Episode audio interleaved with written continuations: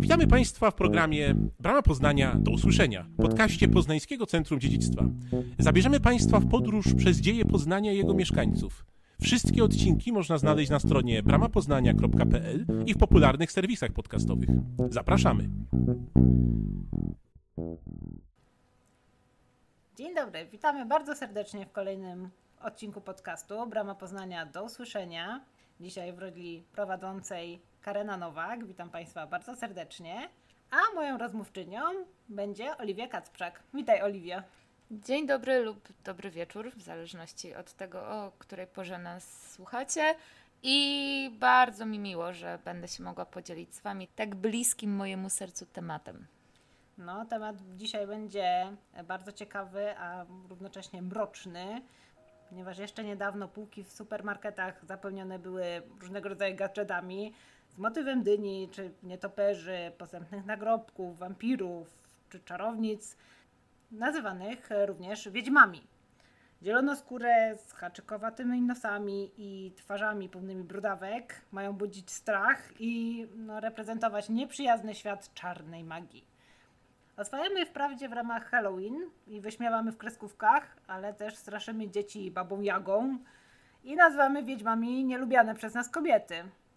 A jednocześnie pochłaniamy na Netflixie serial o nastoletniej czarownicy Sabrinie, czy kibicujemy superbohaterce zwanej Scarlet Witch, czyli szkarłatną wiedźmą. Mhm. A z pewnością wiele z nas czekało, tak jak ja, kiedyś z wytęsknieniem. No, było, było. Na było, kolejne, było. Na kolejne tomy przygód y, Harry'ego Pottera i oczywiście jego przyjaciółki, czarownicy Hermiony. No ale nie zapominajmy jednak, że wiele polskich miast y, było kilkaset lat temu miejsce masowych egzekucji, tak zwanych czarownic, a nasz region niestety wpisał się wyraźnie w tę niechlubną kartę historii. Bo to tu zapłonął pierwszy w Polsce stos. I nie tak daleko, bo w sąsiedztwie Bramy Poznania, na urokliwym Chwaliszewie w 1511 roku za odprawianie czarów spalono w ramach samosądu kobietę oskarżoną o, uwaga, zatrucie piwa i przysporzenie mieszkańcom problemów żołądkowych. Ta anonimowa i nieznana z opisu kobieta otrzymała przydomek staruszki z Chwaliszewa. Na wielu rodowitych poznaniaków nawet nie zna jej historii. I dzisiaj porozmawiamy sobie o czarownicach, bo nie brakuje ich ostatnio w popkulturze, no ale też w przesądach, legendach czy nawet politycznych sloganach. Ale zacznijmy od podstaw. Wiedźmy i czarownice. Skąd te dwie nazwy i jaka jest między nimi różnica? Różnice można wyczytać w zasadzie z samej konstrukcji tych określeń. Wiedźma to spolszczona wersja staroruskiego wiedma, oznaczającego dosłownie tę, która posiada wiedzę. Pierwotnie taka wiedźma kojarzona była z postacią, którą określilibyśmy jako znachorkę, czyli kobietą zaznajomioną z działaniem sił natury, ziół i innych roślin, do której zwracano się w przypadku choroby albo rozmaitych życiowych niepowodzeń, żeby przywołała dobre moce i odegnała złe. Wiedźma w tym rozumieniu nie tyle rzucała uroki, co raczej wykorzystywała istniejące już w świecie pokłady energii. W języku czeskim wiedma oznaczała też wieszczkę, co kojarzyło wiedzę w tym przypadku z przewidywaniem przyszłości. W Polsce od XVI wieku, całkiem nieprzypadkowo, wiedźma zaczęła już oznaczać złą czarownicę i nabierać w ten sposób y, jednoznacznie pejoratywnego wydźwięku. No tu przechodzimy właśnie do drugiej interesującej nas nazwy, ale zanim w języku pojawiła się żeńska czarownica, w XV wieku musiał zaistnieć oczywiście męski czarownik jako ten, który czyni czary. To znów y, jest przyjęta u nas cerkiewnosłowiańska nazwa, udokumentowana co ciekawe już w IX wieku i oparta na słowie czara, oznaczającym linię, którą kreślono nad człowiekiem podczas odprawiania uroków. Co istotne, w porównaniu z takimi wiedźmami, które oryginalnie były po prostu wiejskimi zielarkami i nie operowały magią, czarownicy i czarownice mieli bezpośredni dostęp do sił nadnaturalnych i sięgali do nich za pomocą zaklęć. Z czasem czarownik przekształcił się m.in. w budzącego postrach czarnoksiężnika, który jako wyznawca dosłownie czarnej księgi czynił w ten sposób zło. W opozycji z kolei do y, czarnoksiężników stali już nieistniejący czarodziejcy, e, których w XVII wieku wyparli czarodzieje, czyli y, potężni, ale tym razem dobrotliwi magowie. E, żeńska forma czarodziejka już się jednoznacznie kojarzy bardzo pozytywnie z postacią w rodzaju dobrej wróżki, e, znacznie bardziej niż naszej kreskówkowej szpetnej wiedźmy. Dlaczego w takim razie to językowo neutralna czarownica, a nie czarnoksiężnica, weszła do powszechnego użycia jako ta postać negatywna? W słowniku języka polskiego czarownik, no to po prostu mężczyzna obdarzony mocą czarodziejską, a czarownica tłumaczona jest od razu jako ta kobieta podlegająca wpływom diabła, mająca moc zrzucania uroków, no ale też potocznie jako stara, brzydka i złośliwa kobieta. Złośliwie nomen omen odpowiem, że kobietom niewiele było trzeba, żeby zostać wykluczonymi. E, wystarczyło no, za dużo własnego zdania, niezależności albo właśnie tej wspomnianej wiedzy. O wiedzę wszystko się tak naprawdę rozbiło, kiedy pierwotnie słowiańskie wierzenia oparte na więzi ludzi z naturą zostały potępione przez chrześcijaństwo jako pogańskie albo wręcz satanistyczne bo przecież uznawały moce odmienne od jedynego Boga. To wystarczyło, żeby kobiety wiedzące więcej, w cudzysłowie, uczynić no właśnie tymi złymi czarownicami. Nie chodzi zatem o znaczenie czysto językowe, ale kulturowe. I tutaj możemy sięgnąć również poza Europę. Czarownik stanowi ogólnie w antropologii kulturowej bardzo istotną kategorię, jako ktoś obcy, inny względem ogółu, bo pozostający w kontakcie ze światem niematerialnym. Taka osoba żyje na granicy albo ją przekracza, pośrednicząc między ludźmi a bogami, przodkami, duchami, demonami. Przekracza też ramy społeczne, budzi w ten sposób podziw, ale też strach. E, no bo domeną takiego czarownika, czy analogicznie czarownicy, pozostaje przecież magia, a to jest siła nieokiełznana i amoralna, potencjalnie równie twórcza, co niszczycielska. Warto zaznaczyć, że w latach 80. ubiegłego wieku um, ujęto tak bardzo ogólnikowo wyznaczniki społecznego porządku odróżniające zbiorowości ludzkie od zwierzęcych. I wśród nich wymieniono innymi to, że ludzie wykorzystują ogień do obróbki pożywienia, stosują modyfikacje we własnym wyglądzie łącznie z ubiorem, a także nawiązują relacje o podłożu seksualnym. W konsekwencji właśnie te cechy, czyli kuchnia, wygląd i podejście do związków, wyznaczają odrębność zarówno całej grupy, jak i takiej nienormatywnej jednostki w postaci czarownika czy czarownicy. Największy rozłam następuje zdecydowanie w sferze seksualności, bo w niej magiczni inni też przełamują wszelkie bariery, bo zmieniają płeć albo funkcjonują całkowicie poza jej ramami, wdają się w relacje seksualne z wieloma partnerami albo na przykład z osobami zamężnymi, z kimś innym.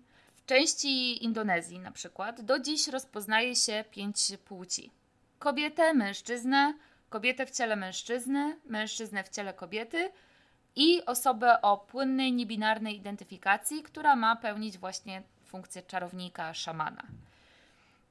Seksualność y, była zawsze barierą, która chroniła społeczność, bo łączyła ją z innymi albo od nich oddzielała. I chaos wprowadzany przez y, czarowników czy czarownice mógł być akceptowany do pewnego stopnia. Tak długo, jak zbiorowości nie groziła w ten sposób taka swoista infiltracja przez wrogie siły. Biologiczna kobieta no, mogła przecież zostać zapłodniona przez demona i wydać później na świat opętane dziecko, co znamy z dziecka Rosemary na przykład. A takiego zagrożenia nie nieśli ze sobą mężczyźni. Zwłaszcza, że y, do tej lepszej, bardzo w cudzysłowie, i bardziej odpornej na pokusy płci należał przecież sam Jezus. To bardzo ciekawe, ale może wróćmy na nasze podwórko, bo czarownice, jako rzekome służebnice diabła, miały również oddawać się mu seksualnie a do ich praktyk należało też przecież na przykład uwodzenie mężczyzn czy ogólna rozwiązłość, a w sabatach przecież uczestniczyły nago. Podczas y, tych spędów na Łysych Górach no, też miały wpadać w amok i w ogóle poddawać się szaleństwu.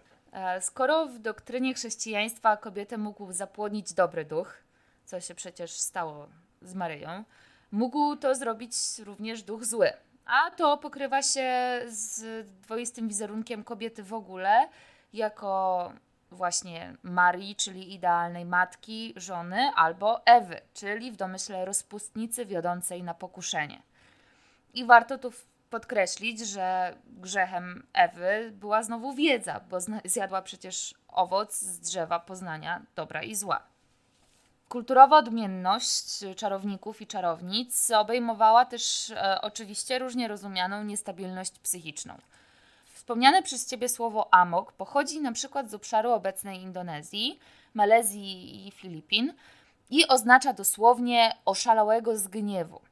Taki stan był tam akurat domeną mężczyzn, którzy opętani przez tygrysiego ducha dobywali broni i atakowali bez ostrzeżenia, co skutkowało później zabiciem ich w ramach pacyfikacji.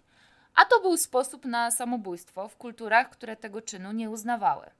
E, obecnie stosujemy to określenie bardziej potocznie i amokiem można też opisać stan, w którym nasze rzekome czarownice podczas sabatów zaczynały tańczyć, krzyczeć czy wpadać w trans. W przypadku takich zjawisk e, kojarzonych z zaburzeniami czy chorobami psychicznymi, zawsze szczególnie istotny jest kontekst społeczny. Na Wyspach Pacyfiku załamanie nerwowe wiązało się z tłumionym napięciem mężczyzn, wpisanych w silnie schierarchizowane społeczności i przez to niedowartościowanych. A tutaj nie trudno dostrzec analogię do obciążenia wynikającego z pozycji kobiet w chrześcijańskiej Europie. Zasadniczo kobiety postrzegane były jako bardziej uduchowione ze względu na ich powiązanie z domeną natury, kojarzonej z płodnością czy emocjami, w opozycji do zdominowanej przez mężczyzn kultury, czyli obszaru władzy i racjonalności. E, wizje czy intuicje kobiet zyskiwały aprobatę, o ile ich autorkami były zakonnice. Ale w większości przypadków były raczej uznawane za interwencję szatana, skoro kobiety miały być przecież na nią naturalnie bardziej podatne. A kobiety z pewnością były bardziej podatne przede wszystkim na dyskryminację i przemoc połączone z brakiem sprawczości, czyli na to, co dziś nazywamy patriarchatem.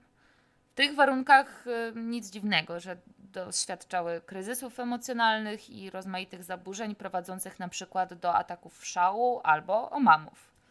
Mhm, no ale no też nie można przecież powiedzieć, że czarownice były po prostu wariatkami. No nie, nie, oczywiście, że nie. Y, to jest tylko część całego zjawiska i to nawet nie dominująca.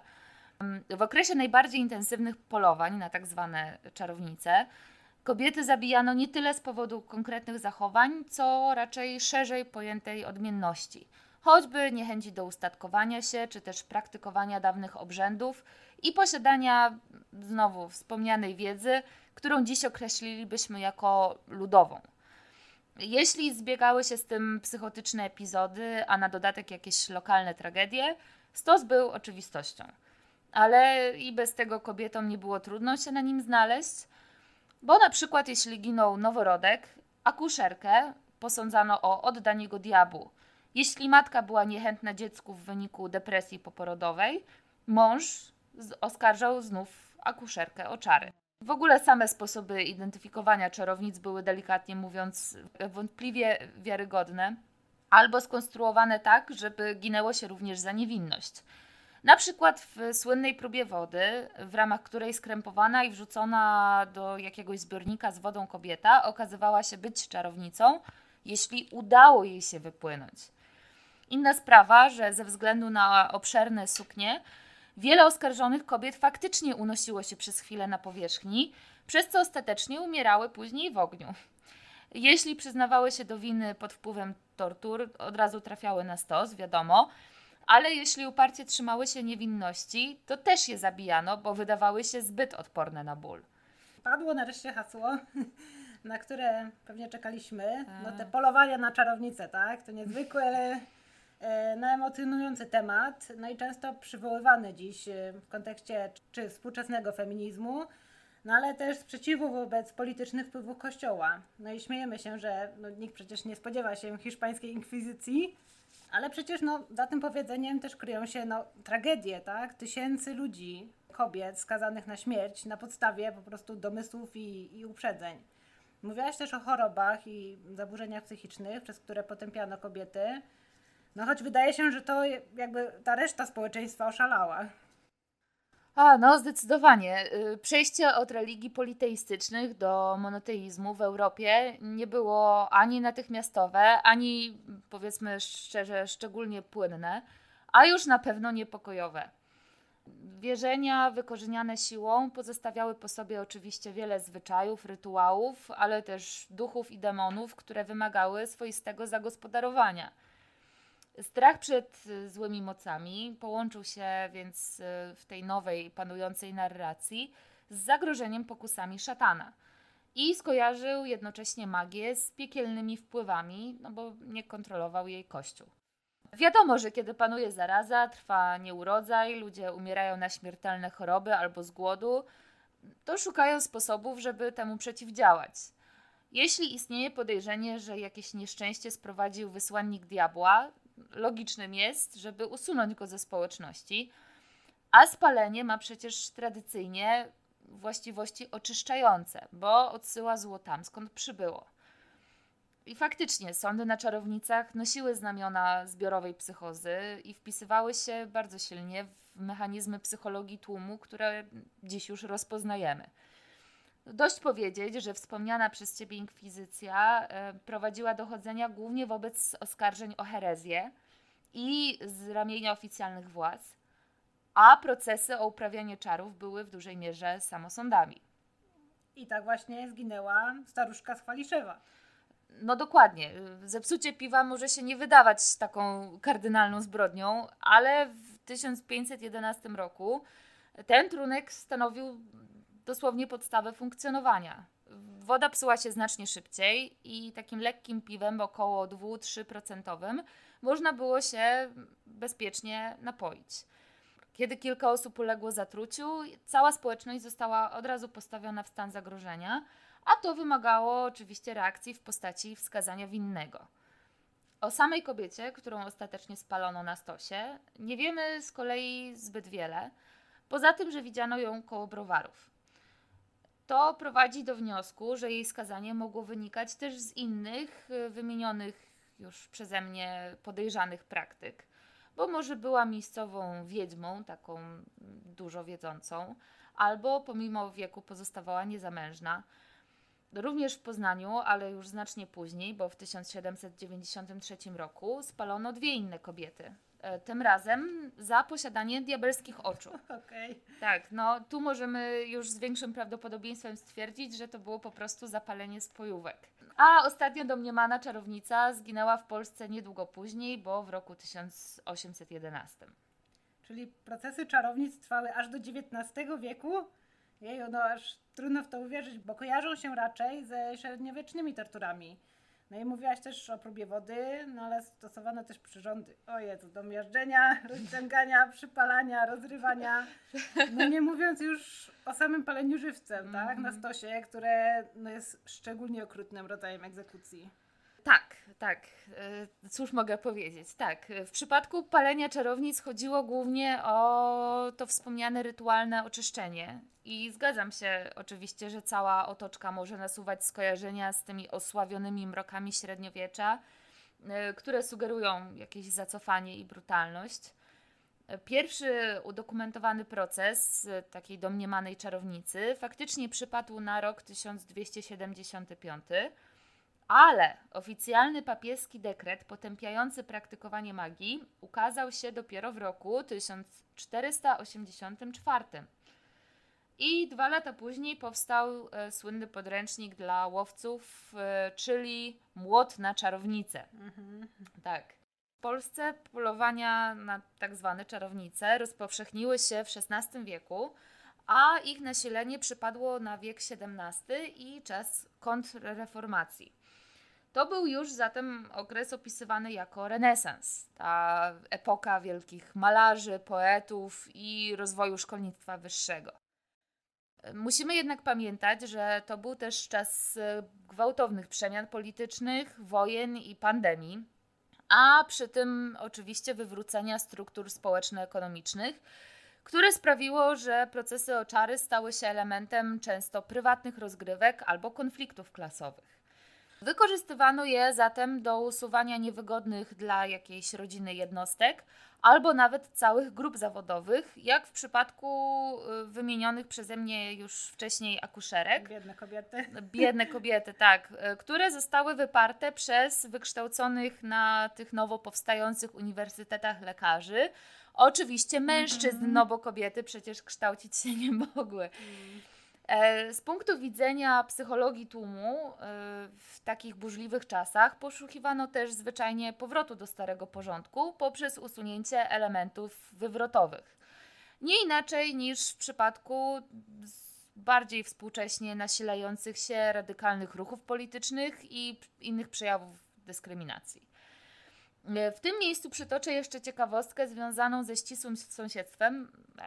W tym miejscu przytoczę jeszcze ciekawostkę związaną ze ścisłym sąsiedztwem Bramy Poznania. W 1639 roku ukazała się rozprawa Czarownica Powołana. Anonimowa, ale przypisywana Wojciechowi Regulusowi, profesorowi Akademii Lubrańskiego, czyli jednej z czołowych humanistycznych uczelni w XVI-wiecznej Polsce, znajdującej się na poznańskiej Wyspie Katedralnej. Duchowny w swojej pracy krytykował próbę wody jako mało wiarygodną, ale co ważne, nie jako mało humanitarną. Wielu duchownych tamtych czasów nie negowało samego zjawiska prześladowań, tylko jego konkretne elementy, które w zasadzie ośmieszały cały proceder. Nawet oficjalne zarządzenie władz polskiego kościoła z 1776 roku, które oficjalnie potępiło tortury i karę śmierci, nie odmówiło czarownicom samego istnienia, a były to już przecież czasy tak zwanego oświecenia. Ojejku, dobrze, że w takim razie nie żyłyśmy w tamtych czasach. A przenieśmy się teraz, bo wydaje się, że no dziś ta postać czarownicy troszeczkę ją postrzegamy inaczej. I Mm. ten motyw y, występuje ostatnio wyjątkowo licznie, czy w serialach, y, literaturze młodzieżowej, no ale też y, w naukowych analizach, publicystyce i szeroko pojętej debacie publicznej.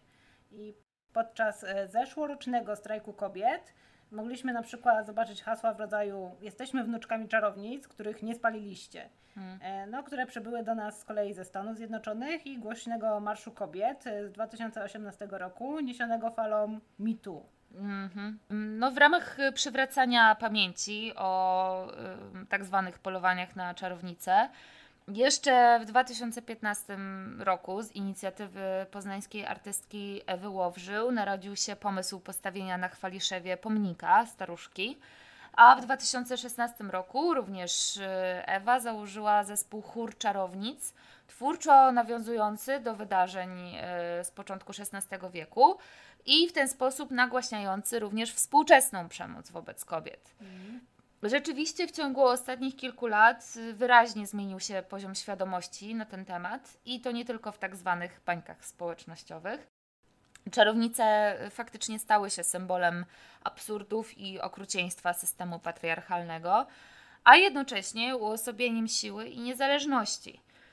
Kobiety wyzwolone, ale też osoby o płynnej i niebinarnej tożsamości płciowej, co bardzo ważne, mogą identyfikować się y, z tymi omówionymi przeze mnie magicznymi innymi, dla których nie istniały takie bariery jak płeć na przykład, a ich moc wypływała właśnie z nienormatywności. W pewnym momencie dla takiej inności zaczęło brakować miejsca, bo budziła szeroko pojęty strach większości społeczeństwa przed utratą kontroli, tej większości politycznej oczywiście. Ale osobiście mam wrażenie, że tej przestrzeni udało się już nieco odzyskać. Niestety, i to należy podkreślać, nie wszędzie na świecie, nie wszędzie w Europie, a nawet w samej Polsce.